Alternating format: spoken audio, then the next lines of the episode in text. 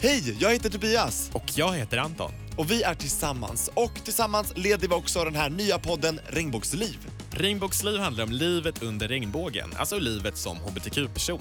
Vi vänder oss till dig med ett öppet och nyfiket sinne och i varje avsnitt så kommer vi gästas av en känd hbtq-profil som tillsammans med oss diskuterar allt mellan himmel och jord. Till vår första säsong har vi otroligt spännande gäster. Vi kommer bland annat få höra en historia om att komma ut som lesbisk efter att ha levt med män hela livet, bli outad och sen behöva trösta sina egna föräldrar. Men också om hur det är att vara en av Sveriges mest kända sångare och samtidigt behöva ljuga om sin sexualitet.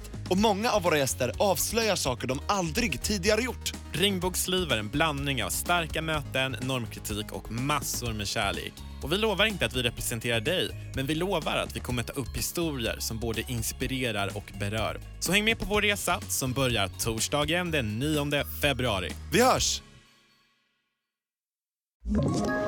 Ett poddtips från Podplay.